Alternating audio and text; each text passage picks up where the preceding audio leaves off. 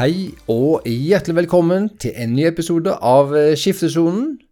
Det er nå i dag eh, lørdag, og Mikael og meg vi har sittet og sett på et uh, triatlonrace fra Lisboa. Det skal vi komme inn på både fra Lisboa og Yokohama.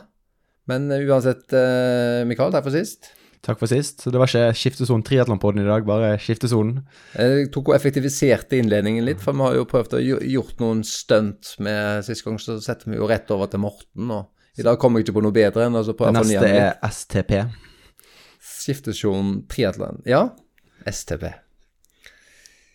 Siden sist, eh, i forrige episode, eh, eller den før det igjen, så snakket du om at du skulle ut og sykle, og sykla kvelds- og nattestid. var blitt eh, frastjålet masse utstyr. og Hvis jeg ikke har eh, forstått det feil, så har du hjemme blitt frastjålet nytt utstyr, Mikael? Ja, jeg eh, vet ikke hva som skjer. Jeg føler jeg blir forfulgt. Det, det er noe gale. Så jeg skulle kjøre noen bakkeintervaller. Jeg var på Jæren i forrige langhelg og skulle sykle litt der. Og så la jeg fra meg en jakke og litt utstyr og en flaske i bunnen av bakken.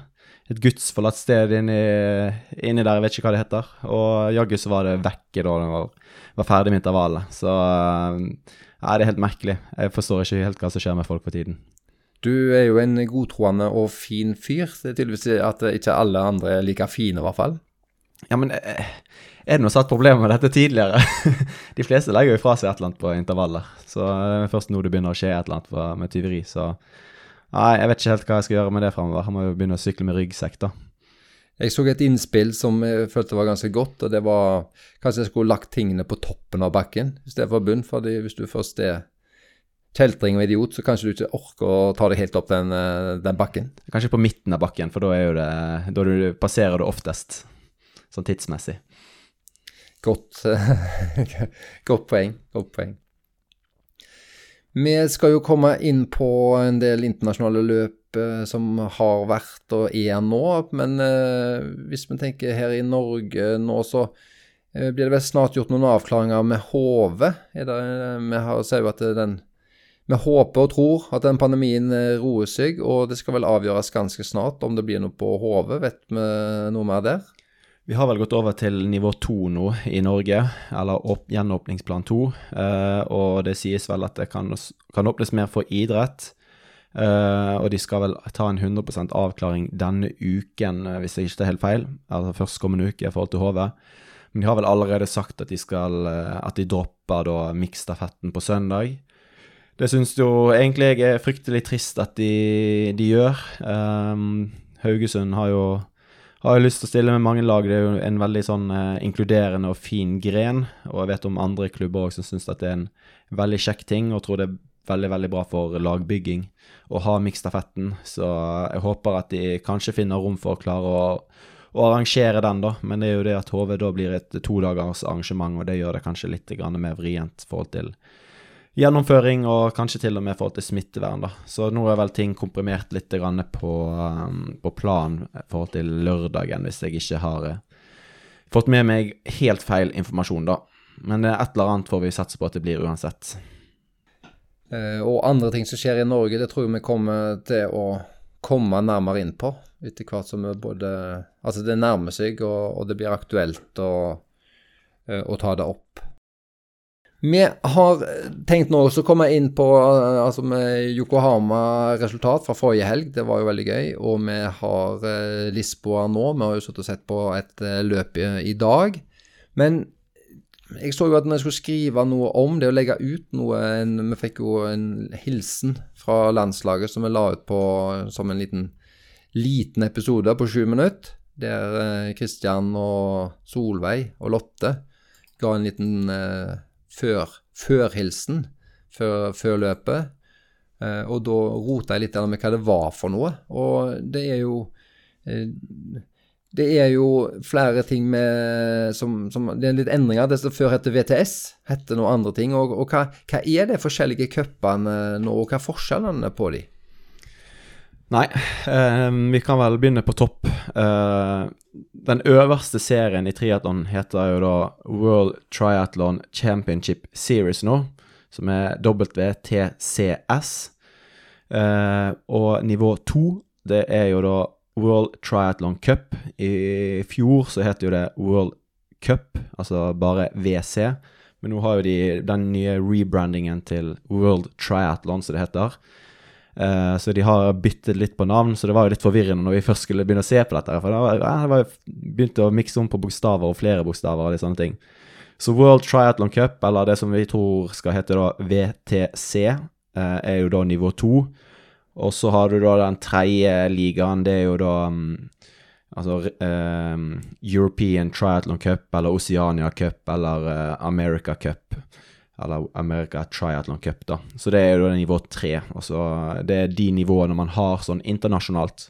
Um, så det som kommer sist der, er jo da nasjonale konkurranser. Men det går jo ikke helt under den samme paraplyen. Så da er det forskjellige poeng som du kan uh, opparbeide deg i, de ulike ulike løpene, eller ulike seriene, da. Um, og en verdensmester blir jo da kåret via den World Triathlon Cup. Men du kan jo da få poeng i Nei, World Triathlon Series Cup. Det er jo der verdensmesteren Championship. Championship, uh, ja. ja, vi, ja. Den, den, som heter World Triathlon Championship Series, ja. det er den VTCS, som før var kun VTS. Ja. Og det var det som var i Yokohama forrige helg. Mm. Og det som nå er i Lisboa, det er det som heter World Triathlon Cup, som før var World Cup. Men det er jo De har puttet inn på den triathlon, så jeg tror nå at det skal hete da World Triathlon Cup. Så det er jo veldig nærme det som det het før, da. Altså VTC. Men du får ta Altså nivå 1 og 2 men i forrige helg på Yokohama så var jo både Gustav og Christian og Kasper og kjørte. Og de er jo igjen med nå i Lisboa på nivå to. Eh, og er det da egentlig akkurat de samme folkene som gjør begge deler? Som regel så stiller de beste mest på den øverste divisjonen, da. Eh, men de stiller jo ofte òg på den divisjon 2 hvis de savner konkurranser. På den øverste divisjonen så er det vel eh, Det var variert litt hvor mange konkurranser det. Var det syv-åtte konkurranser i år, kanskje, på planen? Sånn utgangspunktet, eh, når korona ikke er til stede. Så nå benytter de muligheten til å være med på en World Cup. Um, men det er jo da hvor godt du er ranket i verden som gjør om du får plass eller ikke. Så uh, hvis alle de beste velger å stille på en World Cup eller Europacup, så er jo sjansene dine veldig små fordi du er dårligst på rankingen. Så de, de, som er best ranket i verden, er jo de som stiller best, da. Uh, men hvis du går inn på f.eks. en utøver, da, så er jo den en utøver uh, ranket på um, på tre forskjellige måter. Eller fire forskjellige måter, er det vel. Nå er vi på PC-en her, så nå trykker vi litt. Grann. Um, så hvis vi går på eh, en utøver her, da, så har jeg den en world ranking, og så er det World Triathlon Individual Olympic Qualification Ranking, Continental Cup Ranking, og så Continental Ranking. Så det er fire ulike rankinger en utøver kan være på. Um, så det er jo det sånn OL-rankingen er jo bare noen spesifikke konkurranser da, inn mot OL. Um, og så har du VTC-serien, eller VTCS-serien, som er òg en, en, egen ranking. ja, Hvis det er folk på en podkast uten å sitte med penn og papir har forstått dette, så er jeg jo ganske overraska og imponert. Men jeg håper vi har gjentatt det nok ganger at du har forstått det. Den som da heter eh, Europa Triathlon Cup, Europe Triathlon Cup, er det typisk sånn når rekruttlandslagsfolk, eller er det helt ned på de beste, eller helt opp til de beste som òg kjører der, sånt jevnt over? Det er litt vanskelig å si, for uh, i koronaåret nå så vil jo de beste kanskje benytte de mulighetene som de har til å kjøre. Men sånn normalt sett så har jo Europacup vært litt for de som ikke da på elitelandslaget, eller juniorer som kanskje vil prøve seg på da en vanlig europacup eh, for juniorer, eller gå opp til da senior og kjøre en senior-europacup.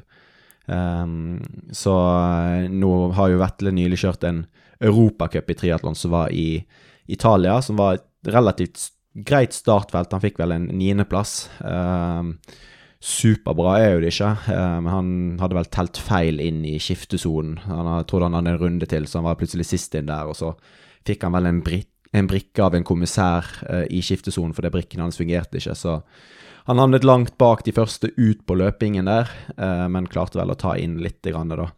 Så det var jo en, eh, en, et løp som er litt langt nede på rankingen. Så han skal vel eh, kjøre ett til sånt løp sammen med eh, Cedric eh, neste helg i Polen. Så det er Europa, Europacup. Jeg tror ikke jeg klarer å komme til å si Europa Triatlon Cup. Det høres veldig rart ut. Hvis du skal nevne fotball, at hver gang det er fotballkamp, eller sånn, det er kamp, liksom. Det er veldig, veldig rart å si. Unaturlig. Men er det noen andre enn uh, Vetle og Cedric som er aktuelle for å kjøre det som heter tredje nivå, da? Altså Europe eh, Triathlon Cup? Uh, Sebastian Wernersen skal vel òg Han er òg på startlisten på det samme løpet i Polen, men han skal da kjøre, kjøre junior. Og så har vi en litt sånn gledelig nyhet. Det er jo å si at Jørgen Gunnarsen står på startlisten i Ukraina, på da en europacup der. Og så tror jeg han òg står på startlisten til, eh, til, EM i triatlon. EM i triatlon i år blir jo veldig merkelig, for det var jo blitt en kvalifisering, supersprintkvalifisering på lørdagen eller fredagen, og så er det vel en sprintfinale da på dagen etterpå. Så der har de eh, gjort, eh, gjort litt rare ting. Fint. Da har vi forstått litt av forskjellene, og da må vi til forrige helg. Da er det nivå 1, VTCS, World Triathlon Championship Series. Der det var masse gode folk nede i eh, Yoko, eller borte, borte kanskje, eh, Yokohama. Og det var jo spennende sett fra oss norske. Det var fryktelig tidlig å stå opp. Damene kjørte klokka tre, og herrene kjørte klokka seks. Eh, sto opp og følte jeg fikk god valuta for det. For hva fikk vi med oss derfra, Mikael? Jeg følte jo ikke at vi fikk god valuta for, uh, for å stå opp tidlig. Uh, jeg våknet jo litt for seint. Jeg forsov meg inn i dameløpet. Uh, så våknet vel når de hadde 200-300 meter igjen å, å svømme. Og følger de inn mot skiftesonen, og så begynner de å filme nummer én, nytt kamera, nummer én, nytt kamera, nummer én, nytt kamera, og vi får aldri sett de som kommer opp bak. Uh, og med en gang førstemann ut på sykkel, så skifter kameraet vekk fra, fra skiftesonen og begynner å følge de første syklistene. Og tenker hvis det er sånn denne sendingen skal være, så vet ikke om jeg gidder å se på. Uh, ja, jeg har lyst til å få tak i nummeret til de som produserer disse løpene, for det det er rett og slett eh, et hån mot sporten når de skal prøve å gjøre det mer profesjonelt. Det er rett og slett ikke gøy å se på når sendingene er så dårlige. Eh, de må lære litt av eh, langrenn, er vel kanskje de som har de beste sendingene på sånn utholdenhetssporten etter hvert. Det å ha et kamera som driver og følger alle opp av vannet, og kanskje alle opp på sykkel, de kan ha delt skjerm ville gjøre sendingen totalt annerledes. For det å bare drive og filme førstemann i én time på sykkel, det er totalt bortkastet av tid og drittkjedelig. Uh, å bruke da to minutter på å filme alle ut på sykkel, uh, det ville gjort såpass mye med løpet, for du får en litt mer drama på det. Poenget med triatlon er at du kan være en dårlig svømmer og fortsatt vinne i mål. Uh, men du får liksom aldri noe på en måte historie inn i konkurransen når, når de hele tiden hopper videre. Plutselig kommer det folk opp, og ja, var det folk bak der? ja, så jeg syns det var egentlig bare kjipe greier, selv om løpet etter hvert ble jo ganske kjekt, så syns det var Ja, det ødelagte egentlig hele gleden med å prøve å stå opp så tidlig, for min del. Men nå skal vi jo egentlig framsnakke både sport og at det er gøy at det er konkurranser. Det er gøy å få lov å følge med på konkurransene. Så, så dette var da altså et, et, et, ja, et gulp. Eller eh, Vi er ikke fornøyd med hvordan de produserer sendingene, og skal vi få stor interesse for at mange skal ville følge sendingene, så må det opp et nivå. Det er vel det, da. Det må det. Eh, det holder rett og slett ikke. Dette er jo, dette er jo toppnivået i, i triatlon i verden. Altså, det er jo ikke en uh, bakgårdstriatlon i Norge. Dette er de beste i verden, og de fortjener såpass mye mer uh, interesse rundt det. Og da må sendingene opp flere hakk. Uh, så vi kan jo hoppe til dagens løp. Uh, de hadde jo to motorsykler med kamera. De hadde minst tre stasjonære kamera. De hadde en veldig bra dronekamera, og likevel så klarer de ikke å filme alle som er i løypen, og skape en viss interesse rundt det. Det er bare rett på filming av førstemann. Så de må, de må finne, finne, en måte å løse dette her eh, greiene på, rett og slett. Det holder ikke. Det var eh, kvaliteten på sendingen og produksjon. Hvis vi reiser tilbake og tar det kronologisk, med starter klokka tre på morgenen Hva uh, resultater får vi fra dameløpet i Yokohama, og hva svar får vi? Nei, det var litt rart, egentlig. Eh, alle jentene kom jo opp av vannet nesten samtidig. Og likevel ut på, på sykkel så havna de i tre forskjellige steder. Eh så det sier jo noe om eh, kanskje skiftesonen. Altså det skiller ti sekunder fra, eh, mellom, all, mellom, alle de tre norske jentene, Stine, Solveig og, og Lotte. Lotte klarer å komme i en fin gruppe. Solveig havner i gruppen bak. Og Stine havner eh, helt eh, sist ut på sykkel. Um, så eh, der er jo Lotte flink på rutinene sine, men, uh, men skiftesonen til Stine og det å hoppe på sykkel og komme i skoene var rett og slett altfor dårlig. Og da havner du i et vakuum der det ikke er sjans. Solveig er jo er sårbar i den situasjonen hun er, med å være såpass langt bak, men klarer jo da å hente seg, hente seg opp, heldigvis. Eh, men eh, det trengs å gjøre en bedre jobb i bassenget. Det er jo først og fremst det, det som er problemet. Og da er du da langt bak på søm, så har du nødt til å være 100 i skiftesonen. Uh, men uh, Solveig og Lotte kommer til slutt i første gruppen. Det er jo et brudd som går, da. og det var jo ja, Nå hopper jeg kanskje litt i kronologisk rekkefølge her, da. Jeg vet ikke hvor spennende det er å høre på, men Tamara Gorman og Tyler Nei, Tyler Nibb og Maya Kingma havner i brudd, og Lotte er jo på vei til å tette luken når disse går. Uh, men så, så, gir hun seg, eller klarer det ikke. Det er litt uh, usikkerhet i, i, akkurat det momentet der. Om, uh, om hun valgte da taktisk å si at dette her var ikke noe vits i å gå på, eller at hun ikke klarte det. det, det, var vel, det, var vel, omtrent bare ti meter. altså Når hun da det tok igjen og gikk opp der, så var det lå vel i ingenmannsland, og det var toppen ti meter fram, føler jeg. Det var jo ti harde tråkk som ville jo ha vært der. Ja, Vi som har syklet litt dritt, vet at ti meter kan være eh, kanskje de hardeste de siste ti. Um, men vi vet ikke helt hva som var greien der. da. Hun skylder jo sjøl på at det var en taktisk bom, da. Så snakket bitte litt med henne, men ble vel ikke helt, helt på klok på den beslutningen. Og du vet jo ikke helt om Du vet jo ikke om den luken til de to vil holde heller. Uh, men vi som har fulgt med en stund, vet jo at uh, Tyler Nibb er jo et beist på sykkel. Hun har uh, vunnet juniorløp og hun har vunnet U23-løp. og Det var vel egentlig bare et spørsmål om tid før hun ville gjøre det samme på, på, uh, på seniorer, eller på det øverste nivået, da. Men sykkeletappen i, i Yokohama bærer jo preg av at hun kvinnen fra Bermuda, hva er det hun heter nå igjen? skulle hatt Morten her i dag. Uh, hun er jo vekke. Seferis er jo ikke i god sykkelform. Um, og um, samle med, med Learmont er jo heller ikke her, så de tre-fire sterkeste syklistene er jo ikke med og preger løpet. Og, og da er det åpent for utøvere som Tyler Nibb og, og Maya Kingma til å stikke ifra, da. Så, men eh, det blir jo relativt greit til slutt. Solveig som er på sin eh, debut på dette nivået. Vi har egentlig bare ventet på at hun skulle bli, bli klar igjen for å kjøre mot, eh, eh mot de aller beste. Hun får en veldig bra start på 24.-plass. Eh, slår Lotte sånn akkurat. Lotte blir nummer 25. Stine klarer å fullføre, så det skal hun ha for. At hun hun ikke gir seg, selv om eh, ting ser fryktelig mørkt ut, ut på sykkelet. Sykler stort sett alene, så fullfører hun som sistemann i mål. Det er um, mange som pleier å gi seg i den situasjonen, så hun får eh, med seg verdifull erfaring. Eh, men tilbake til Solveig, så er jo den altså, OL-kvaliken som egentlig er i, i, bildet her, da. Får nok poeng, og det fikk hun. Hun fikk bra med poeng i denne konkurransen, og, og tar jo store jafs på, på rankingen med dette, dette resultatet. For det er en, uh, hun må komme inn på en ranking blant Er det de 140 beste, eller noe sånt? Topp 140 i ranking, ja. Er det som var målet i forhold til å få plass til OL miksstafett. Så er det egentlig bare å sette på ny kopp eh, kaffe for oss, for da skal herrene starte klokka seks på morgenkvisten.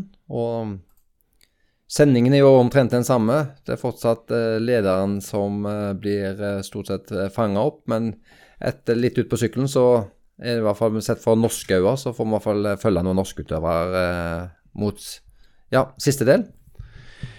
Ja, det er jo Dameløpene har jo vært egentlig mer interessant i, i, i stort sett hele år i, på langdistanse òg. Uh, eh, og det var vel egentlig mye det samme sånn uh, forhold til det som skjer. Det er et felt som går ut, og så det, jobbes det jevnt og trutt, og så blir de tatt igjen av gruppe to. Uh, I gruppe to så hadde vi vel Gustav Kasper var vel ganske kjapt i gruppe én sammen med Christian. Så det tar litt tid før Gustav kommer seg opp. De sitter vel egentlig greit kontrollert i feltet. Ingen veldig store sprell fra noen. Christian drar litt og har tatt, tatt rollen til Alistair Brownlee. Kjefter litt og veiver litt med armene og viser at han er der. En, hva de kaller en dirigent, som er et fint På engelsk har de vel et annet ord for det. Og på, um, på, løp så går jo Schumberg fra i start, som alltid. Um, og er sinnssykt god på skiftesonen. Um, han bare gjør det hver eneste gang, og der har vi mye å lære. Christian er mye av den samme typen, bare nailer det hver eneste gang. Uh, veldig skuffende av Gustav. Han var tidlig inn i skiftesonen. Det er kanskje litt ulikt han, eh, så det er forbedring der. Men eh, han uh, bruker jo disse Alphafly-skoene og sliter med å få de på og taper en del plasser ut på løp. Så han bruker jo tre-fire sekunder mer uh, tid i skiftesonen enn en f.eks. Christian. da. Så det er tre-fire sekunder som er for mye i den situasjonen der. Det å tape det på løpet er på en måte én ting, men det å tape det i skiftesonen det, det, går ikke på dette nivået her, da. Kasper òg har en sånn halvveis skiftesone. Så ut på løp så later Kristian som at det er hardt, og ligger, eh, ligger der og de andre drar. Og gjør et helt sinnssykt løp de siste to kilometerne. Det er bare helt vilt. Og får en ti kilometer, jeg tror den er ganske nøyaktig òg, på 29,26. Så det er bare å tenke seg. det er vilt fort. Uh, Morgan Pearson får jo den nest beste løpetiden. da Han løper seg opp gjennom feltet, fire sekunder bak Christian. Uh, han løper jo alt han kunne for en OL-plass. Jelegins uh, får vi høre i intervjuet etterkant at han er sur på Christian fordi han var en actor, ikke ville dra og noen ting som helst. Men det Jelegins glemmer, er jo at det er om å være førstemann i mål. Det er ikke vits å løpe fort bare for å løpe fort. Så jeg er ikke helt enig med Jellegins der. Han sier jo òg i intervjuet at han takker Gustav for at Gustav dro han hele veien opp i førstegruppen. Uh, så det er litt sånn dobbeltmoral der, når han sier at han ble dratt hele veien på sykkel av en utøver, og så drar han på en annen utøver i den andre disiplinen. Så ja, slutt med den surmulingen der, og så får du heller konsentrere deg om å, om å vinne neste gang, Jelegins. Du nevnte jo langrenn før, med gode produksjoner. Det var vel en langrennsløper som kjørte en liten Eller Christian Blumfeldt kjørte vel en liten Northug med nettopp det du sa. Det viktigste er å komme først i mål. Ja, det er akkurat det. Det ser jo fint ut etterpå når Christian får en såpass fin løpetid, men altså, de må jo ikke løpe fra gruppe to eh, sånn fra start av å ligge og presse og presse og presse og holde luken, sånn i utgangspunktet. Så uh, det er jo sånn taktisk greie som, som, er viktig å ta med seg. Men hvis han føler at, hvis Jellegins føler at han er måtte på en måte pine ut de andre. Det er sånn han kan vinne løpet. Så må jo han bruke den styrken sin og slutte å klage på at uh, han blir fraløpt på slutten. Han brukte sine kort, og, og sånn uh, gjorde han det. Um, så var jo det relativt tett baki der, da. Alexi for en fjerdeplass, Henry Schumann for en femte og Vincent Louis i sjette. Um, og så Gustav får en og en niendeplass. Han sa vel eh, at det var liksom helt, helt sånn average. Det var verken bra eller dårlig. Men hvis det average hans har stabilisert seg på en topp ti nå, så er jo det egentlig veldig bra. Kasper faller en del gjennom på løpet på slutten og får en åttendeplass, nei, attendeplass, da. Eh, så jeg tror jo når de to er blodtrimmet og toppet, så er jo de fort eh, nærmere Christian, da. Christian virker til å være helt eh, vilt eh, bra form på. Ja, vi har vel sitt uh, Vi kommer jo inn til dagens løp, så det virker som Kristian har stabilisert seg med en uh, solid uh, form. Men før den så så jo den i Norges Triatlonforbund på Facebooks sine, så skrev de jo en kommentar fra en liten sånn kort oppsummering fra forrige helg. og Det er sånn passe sånn passer sjarmerende cocky når vi hører at Kristian underveis i syklingen eh, på Yokohama roper til Gustav om han 'Fikk du med deg Alex Gi opp?' Alex Gi er da en brite som er veldig god å løpe. Har 20, 27 og noe på 10 000 meter. Ja, har vært med i OL og løpt, han. VM, VM, VM, i hvert fall. Ja. ja. Men da er det i hvert fall Christian og lurte på om, han hadde, om Gustav hadde dratt Alex Gi opp, for han, han hadde så lyst til å slå han på løpingen. Så da, da, kjenner du deg nok sterk underveis, i hvert fall i, i sykkel, at når du håper at han har dratt, han, eh, han opp. Ja, for å snakke litt om det, da, så har jo eh, vi sett noen artikler i forhold til dette med varmetrening og bruke den eh, varmesensoren. Og jeg tror jo det at Eller er ganske sikker på at det er nyttig data de har fått ut av, av å bruke det. Nå vet de tersklene sine på på kroppen forhold til det med kroppstemperatur, og det å kunne utnytte det og vite hvor hardt du kan kjøre eh, gjennom hele løpet, eh, avgjør, eller vil bli avgjørende, spesielt i Tokyo. Og det kan være at det var avgjørende nå òg. Christian så ut som han koser seg på sykkel. Jeg fikk et spørsmål i dag forhold til det løpet som var i dag. Vi skal vente litt med å snakke om det, men hvorfor Christian driver og tauer og drar. Han føler seg bra, eh, og eh, det er veldig tekniske løyper i, i triatlon. Det blir litt sånn eh, type gateritt. Og alle som har drevet med sykling og som ligger sist på gateritt, vet at det er hardere å ligge der enn å ligge først. Så der syns jeg Gustav og Christian er veldig flinke med å ligge godt foran. Kasper er nok ikke så flink, og jentene er heller ikke så flinke der. Og det er kanskje det som gjør at de ikke har de samme samme løpebeina eh, på slutten. Eh, det å ligge framme eh, og være flink på det sykkeltaktiske er veldig avgjørende. Og sånn som jeg sier til de utøverne mine Du kan gjøre hva du vil under konkurransen, men du skal være først ut av T2. da, da, har du på en måte utgangspunktet klar for å vinne. Godt poeng. Godt poeng. I hvert fall de er på Yokohama, og vi får strålende, et strålende resultat med Christian. Veldig gøy. Og så reiser de langt, til Lisboa, og kommer til et eget arrangement på fredag, til noe som heter World Triathlon Mixed Relay Olympic Qualification Event. Altså et eget arrangement, det var en mixed relay, for å kvalifisere seg til OL som mixlag. Fire stykk. Vi har hatt ett løp før med å få til et mixlag. Denne gangen så var Stine mm, bytta ut med Solveig, altså Solveig skulle eh, stilte sammen med Lotte og Christian og Gustav.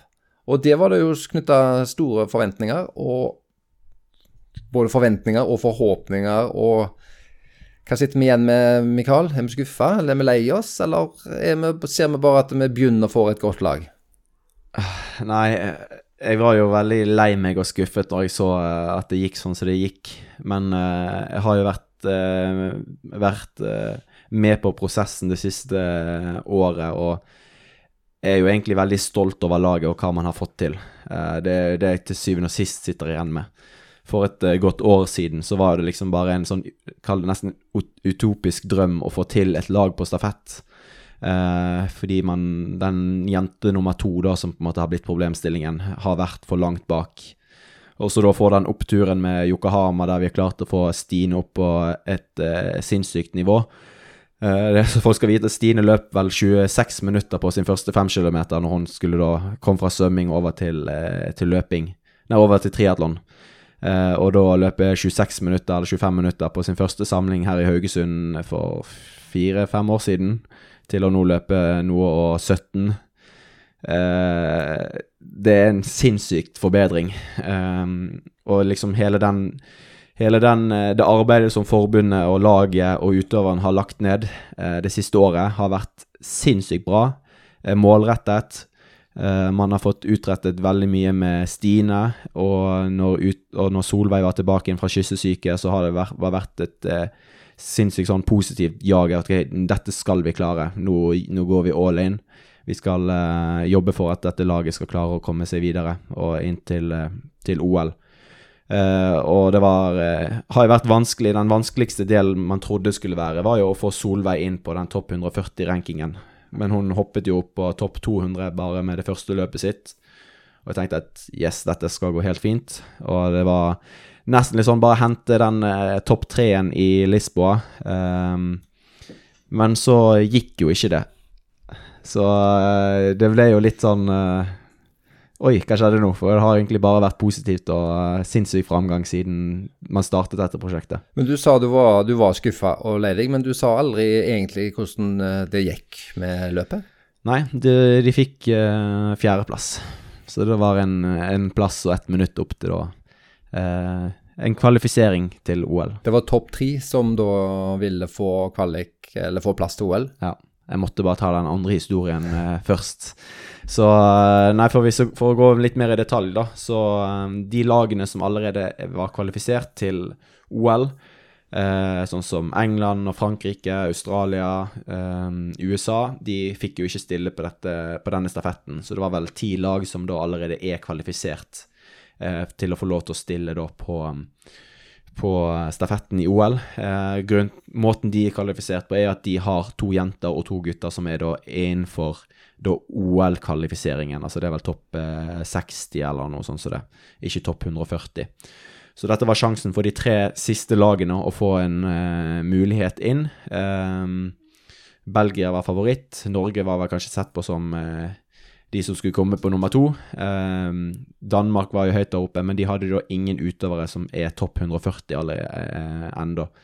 Så hvis de hadde klart rankingen, altså klart eh, topp tre nå, så hadde de i etterkant måtte klare å få alle utøverne sine topp 140. Hadde de ikke klart det, så hadde de ikke fått plassen heller.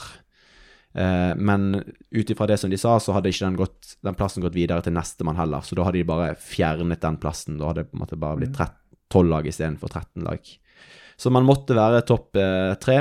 Um, og det så jo greit ut på papiret. Uh, uh, Lotte på førsteplass. Uh, fikk ikke brukt Første etappe. første etappe, ja. fikk ikke brukt styrkene sine på sykkel, sånn som løpet utfoldet seg.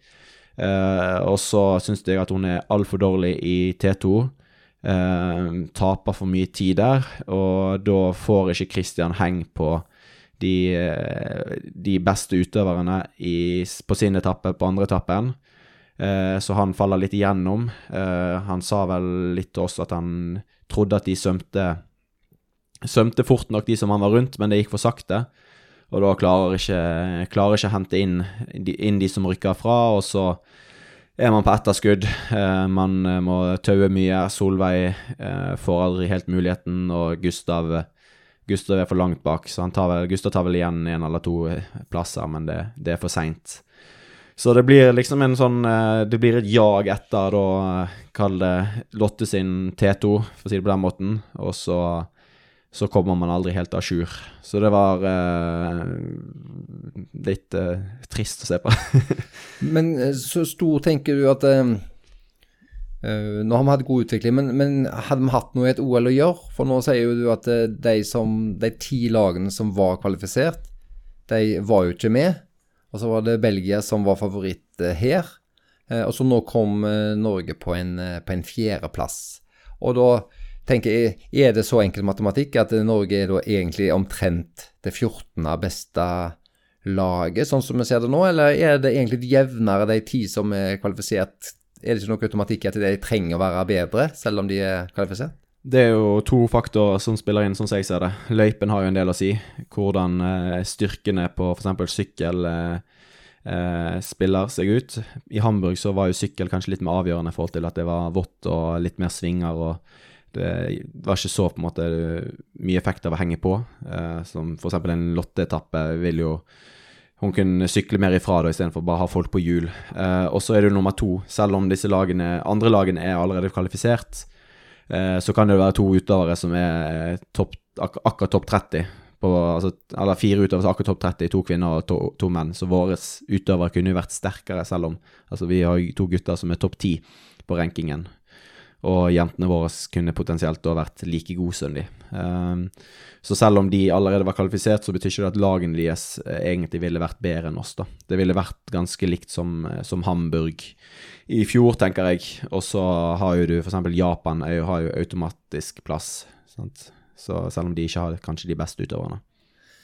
Vi var i hvert fall eh, Vi var litt lei oss, var skuffa. Vi Vi hadde vel store forhåpninger om å få lov å se landslaget med en miksstafett under OL. Hva de sjøl syns rett etter løpet, det har de ordna. De spilte inn en liten uh, samtale, en liten ja, det var ikke en hilsen kanskje til oss. Jo, det var, det var en hilsen. Det var en uh, stemningsrapport eller en race report. Så her har vi tre stykker fra landslaget som rett etter etter denne miksstafetten sende ei lydfil til oss.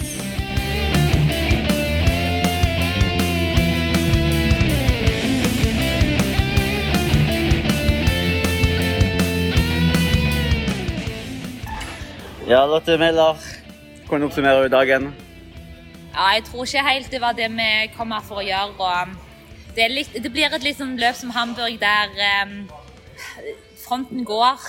Um, og, og, vi spilte ikke kortene våre, eller jeg føler selv at jeg ikke spilte kortene mine som jeg burde uh, i første etappen. Og de der buffersekundene Vi må ha dem for å, for å kunne sikre kontakt etter, etter søvn på tredjeetappen. Og, og de fikk vi ikke i dag, dessverre. Og, og da blir det hardt å, å henge med. og Det blir liksom et jag etter tre-fire stykker i front. Du har jo slitt litt med ryggen siden uh, reisen hjem fra Japan. Kjente du noe til det i dag? Nei, egentlig ikke. Jeg syns det var fint. Men uh, Deilig å kjenne liksom at jeg kan svømme fort igjen. Men uh, det er rustent, og jeg gjør ting som jeg ikke er fornøyd med. og T1, T2, det sitter ikke Jeg føler ikke jeg får ut potensialet på sykkel. Og løp egentlig sånn, det er OK. Men jeg er ikke kjempefornøyd. jeg er sulten på mer, så um, Kan vel mindre min etappe òg. Fikk en grei veksling fra Lotte. Han tror han var 18-20 sekunder bak, kanskje. Og ble liggende i en uh, gruppe med var vel først fire andre før vi ristet av oss uh, Østerrike og Portugal. Det var litt sånn uh, Hva skal jeg si Det var viktigere å ta igjen avstand til de tre foran enn å prøve å kjøre ifra alene. Fordi at vi må jo kjempe om topp tre-plassering. Og klarte vel å minimere det meste på løp, men vi var litt bak fronten. Kanskje litt, litt for mye når vi vekslet til tredje etappe. Uh, men det var en grei etappe, og så var det selvfølgelig deilig å løpe fra Belgia igjen på løpingen. Jeg måtte egentlig bare dra hele veien fordi jeg visste at det, det var avstanden opp til topp tre som var det aller, aller viktigste. Ja, Sveiten, har dere mer å si? I tilfelle lyden var dårlig i sted. Du var jo ute. Ja, nei ehm, Dere har vel oppsummert det egentlig ganske bra. Ehm, det ble jo den veldig skuffende fjerdeplassen. Og det er liksom små, små marginer. og Skulle det gått i dag, hvis du sitter litt med fasiten, så, så måtte Solveig starte svømmen litt lenger frem enn det hun gjorde. Da, da blir det sånn at det ble litt for langt frem, blir liggende alene får ingen hjelp av, hos spanjolen som lå på hjul. Og, og da, da, blir det litt større avstand frem til, til, til de tre i front som jobber veldig hardt. Så det er, Eller de fire, var det faktisk. Så, og da, da, blir det litt for langt opp til Gustav. Og selv om han jobber fantastisk å ta igjen eh, Danmark, så spiller det isolert sett ikke noen rolle. Så han fikk vel egentlig bare beskjed om å roe seg ned på siste runden, for det var umulig å hente det inn. Ja, og jeg tror alle de tre som eh, fikk topp tre i dag, de har vel to damer og to herrer ganske safe inne på kvalifiseringen. Så det er ikke sånn at vi kan håpe på at eh, noen av de sliter med kvalifiseringen. Hadde f.eks. Danmark slått oss, så tror jeg de kunne hatt mer trøbbel med å få alle sine utøvere topp 140. Og dermed kunne vi likevel fått en plass. Ja, Det er riktig, det. og Hadde vi kommet på fjerde og Danmark på tredjeplass, så, så hadde vi hatt relativt gode sjanser. For Danmark har jo én utøver per dags dato inne topp 140, mens vi har jo tre. Så da kunne det blitt annerledes. Og, og I en periode så så det jo sånn ut at uh, det kunne skje. Men igjen, vi, vi, vi, vi må jo gjøre løpet sjøl, og ikke være avhengig av de andre. Så det, det er jo bare uh, oss sjøl to blame, liksom. Men det positive er jo at vi har endelig er med og kjører stafett. Vi uh, har uh, tre jenter som vi nå kan bruke på stafettetappene. Og vi får i hvert fall vært med på festen dagen før eh, løpet. Og eh, vi blir vel fast invitar på stafetten fra nå av. Sånn at det er jo ganske positivt inn mot eh, OL i Paris. Jeg tenker Vi har satt i gang en prosess nå som, eh, som kun kommer Vi kun, kommer kun til å bli sterkere herifra. Jeg, eh, det har like mye med erfaring, og nå har vi flere jenter å spille på. og Det er grunnlag som skal legges.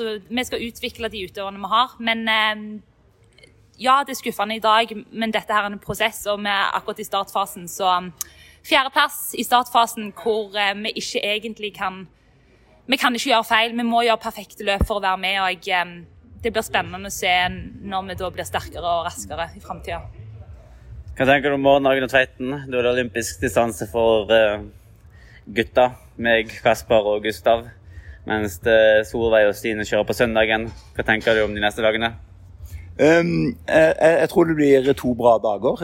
Um, jeg må jo få lov å si at uh, jeg gleder meg til i morgen. Uh, du Christian, er jo veldig solid, og du viste jo forrige helg i Yokohama hva som bor i deg. Og, og, jeg er helt sikker på at du, du, har mulighet til å kjøre samme type løp uh, nå i morgen.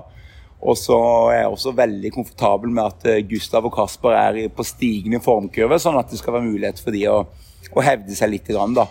Um, tar vi søndagens løp, så, så står jo Lotte over. Og, og, for hennes del så er det lurt å ikke kjøre to olympiske på rad. Og må få lov å skyte inn at jeg har veldig store forventninger og forhåpninger til Lotte i neste helg på sprint i Aserbajdsjan. Det tror jeg er løype som er lagd for henne, men det kan vi komme tilbake til seinere.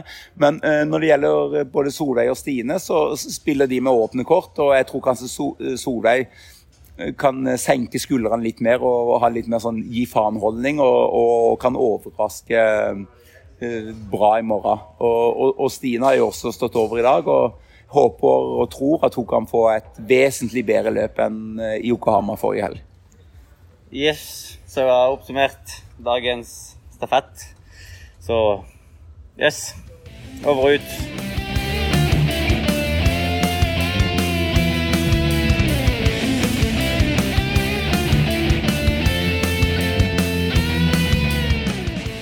Det var landslagssjef eh, Arild Tveiten som eh, håpte det skulle gå vesentlig bedre i morgen. Og i morgen, det er jo i dag. Og det er jo det løpet vi har eh, sett på, Mikael. Og det kan vel oppsummeres med at det gikk vesentlig bedre i dag? Med han ene gjorde i hvert fall det. Kristian tok en ny seier, overbevisende. Han ser sprek ut for tiden. Oser selvtillit og godt humør. Um, Gustav syns jeg ikke eh, Han gjorde vel egentlig et helt likt løp som han gjorde i Yokohama.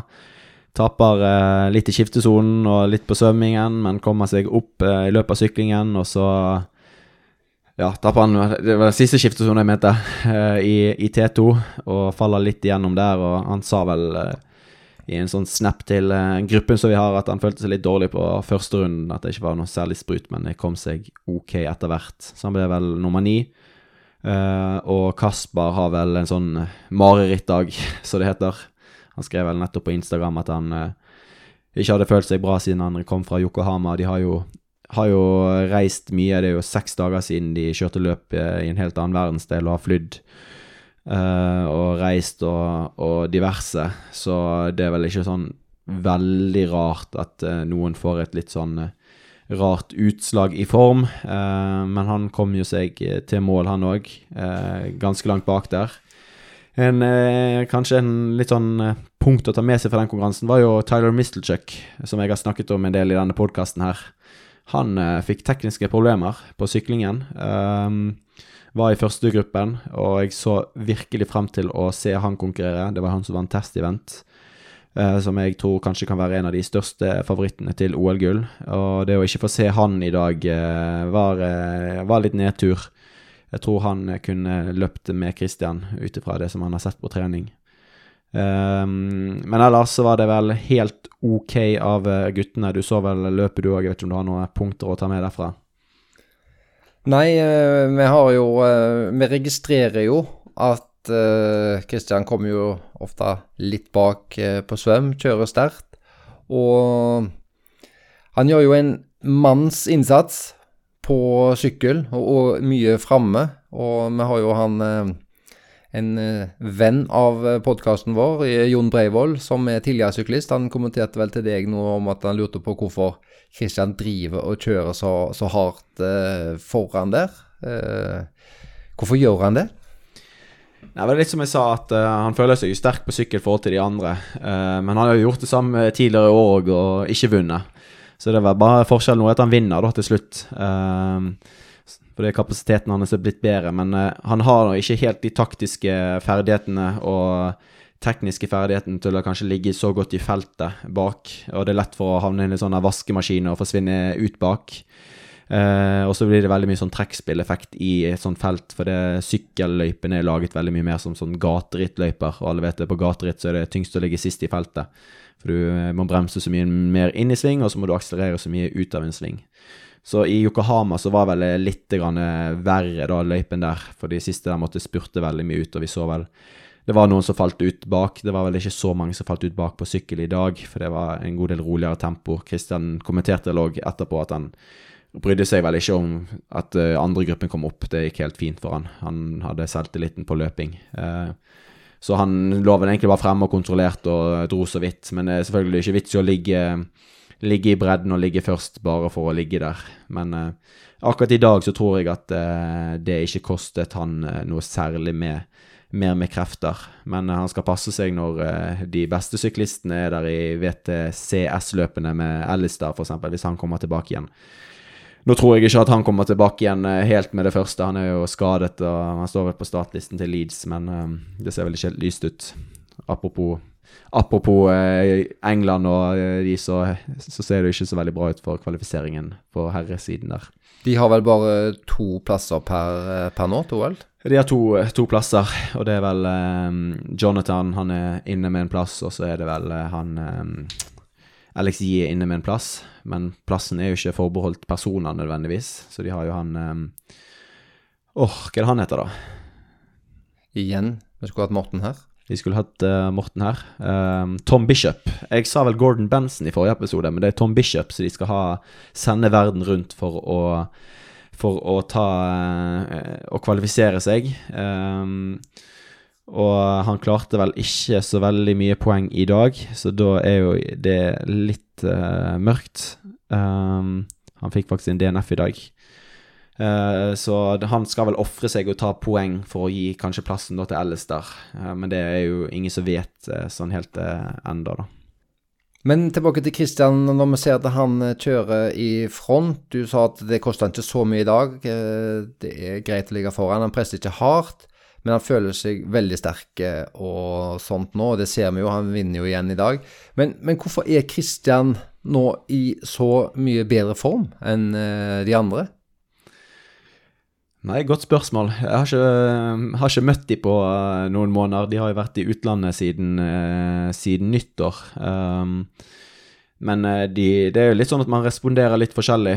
Og selv om programmet kanskje er likt, så eh, er jo utføring og smådetaljer kan eh, gjøre store forskjeller etter hvert. Havner, havner du f.eks. på etterskudd versus den andre utøveren og må ta kanskje en uke roligere på et eller annet tidspunkt, så, så kan det bli litt forskjeller i form. Det er jo det Christian alltid har vært god på, er jo hele tiden få til programmet. og og tyne det beste ut av uh, alt som er. Uh, han er jo Det er en grunn for at han er blitt så flink som han er. Uh, ikke det at de andre er dårlige. Kasper er flink på å kanskje prestere en gang i året.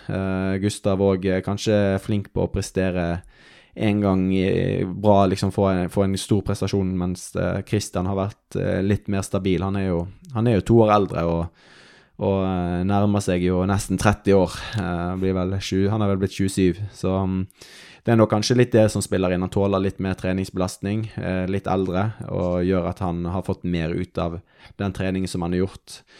Så jeg er nok ikke, jeg er ikke bekymret for, uh, for Gustav. Han uh, kommer nok når det gjelder, og Kasper har jo slitt litt med skader, så jeg tror han òg kommer når det gjelder. Nå handler det egentlig om å bare få kjørt en del konkurranser. De skal jo kjøre fryktelig mange konkurranser. De kjørte en forrige helg, to eller én denne helgen. Én til etterpå det igjen i Arsacena i Italia neste helg. Um, det er en verdenscup, og så er det vel VTS, VTCS Leeds helgen etter det, og så er det vel inn i en blokk med trening og varme og OL. Så nå handler det egentlig om å bare få kjørt konkurranser, og så eh, på en måte ha det litt kjekt med det, og få på en måte brukt en form og brukt litt overskudd, og så hvile litt, og så er det fullt kjør mot OL. Så det som skjer nå, er viktig, men samtidig ikke så viktig for guttene sin del, da. Ja, det er vel ca. ni uker til Tokyo nå, kan det stemme? Det var vel det vi fant ut av at det var. Så det er jo, det er jo ikke lenge, men samtidig så er jo det lenge der man kan få gjort eh, veldig mye, da. Som vi sa, så spilte, spiller vi med inn denne episoden eh, lørdag. Vi håper at vi får fletta inn eh, noen resultater og noe om eh, jentene som skal kjøre i morgen, søndag, i, i Lisboa. Men hvordan har deres eh, forberedelser og, opplegg nå fram mot eh, dette løpet og videre mot OL, hvordan, hvordan er det i forhold til guttene? Er det, er det, mye av det samme? Er de borte og reiser hele tida, de òg? På jentesiden så har det vært litt mer, eh, eller blir litt mer miks forhold til hvem som får kjøre hva. da. Eh, Stine har såpass, nei, Lotta har såpass god ranking at hun kommer inn der hun vil. Så har det vært litt sånn bytta plasser forhold til den Solveig-prosessen, ja, får hun inn topp 140. Så Lotte skal jo ikke kjøre da i morgen, det er kun Solveig og Stine. Eh, og så er det i Asacena så er det vel eh, alle tre. Og så Leeds, der venter vel Lotte Nei, venter Stine på å få plass, da, så det er ikke helt sikkert at hun får plass i Leeds. Eh, men nå blir det vel egentlig eh, mest å få kjørt disse løpene litt sånn som guttene, og så blir det en ny prep mot OL, og det er jo Da blir det Stine som er Nei, Lotte blander de to navnene. da blir det Lotte som er i, i sentrum i forhold til å få best mulig forberedelser til OL. Så da ser det ikke ut som at det er sjanse for, uh, for Solveig å komme inn, og det er ikke sjanse for, uh, for Stine å komme inn til OL. Så da um, da blir det å hjelpe hverandre og trene så godt som man kan og, og være et lag. Og så blir det å forberede seg best mulig til, uh, til OL. Beskriver, du beskriver en lang treningsreise. De reiste ut rett rundt eh, nyttår, sier du. og eh, Vi har jo vel i media det siste hørt om eh, f.eks. Altså Ingebrigtsen, som eh, er veldig motstander av denne karantenen. Eh, de syns det er problematisk å reise ut for å konkurrere, for de vil ikke ta karantenen. Eh, landslaget i triatlon har jo gjort det så enkelt at de reiste ut til nyttår og har aldri kommet, eh, aldri kommet tilbake. Det er jo en, det er en ganske ekstrem et ekstremt opplegg der du reiser ut, og pga. Eh, dette her at du rett og slett blir vekke til Tokyo-OL. Det er jo kommentert liksom folk når de er vekke i tre måneder, så er det liksom å, da, da, er du kanskje det mest dedikerte utøveren i verden. Men her, nå har de vært ute i, i fem måneder. Og de har eh, to måneder igjen, minst. Kommer hjem etter OL, den eh, OL-gjengen. Uh, og det, det, er lenge, altså. Det er fryktelig lenge. Uh, Stine og Solveig får vel reist hjem nå i, i, juni på et eller annet tidspunkt. Uh, Vetle har vært hjemme i, i to-tre dager for, for, å, for, å, bytte bagasje og reise ned igjen. Uh, så er jo disse karantenereglene endret nå, da. Uh, der man mest sannsynlig må på karantenehotell uansett. Så uh, ingen skal ta fra dem at uh, denne gjengen her ikke gjør det som de kan for å gjøre det best mulig OL. Fri, Friidrettsutøverne går går ikke glipp av bassengtid, men det vil jo en triatlet gjøre, som er såpass viktig i forhold til sine forberedelser. da. Men en løper kan jo alltid løpe, så jeg skjønner ikke helt de hvorfor de syns det er slitsomt å reise inn og ut av, eh, av landet etter. Nei, det er i hvert fall ingen tvil om Vi vet jo allerede idet du blir god i triatlon at du er ganske dedikert, med tanke på det antall treningstimer de, de legger ned. Men uh, i tillegg da så har de jo De har bevist sin dedikasjon gjennom denne ganske ekstreme tida der de har vært på treningssamling og, og reist nå etter hvert rundt på løp. Det var det vi har uh, nå. Eh, og jeg tror, Mikael, at vi satser på å uh, oppsummere damenes løp i morgen, og håper at vi akkurat klarer å flette det inn i uh, slutten av episoden. Ja, vi får se. Kanskje det blir i form av en annen episode med noen gjester. Uh, vi vet rett og slett ikke. Vi vil jo ikke plage den landslagsgjengen for mye.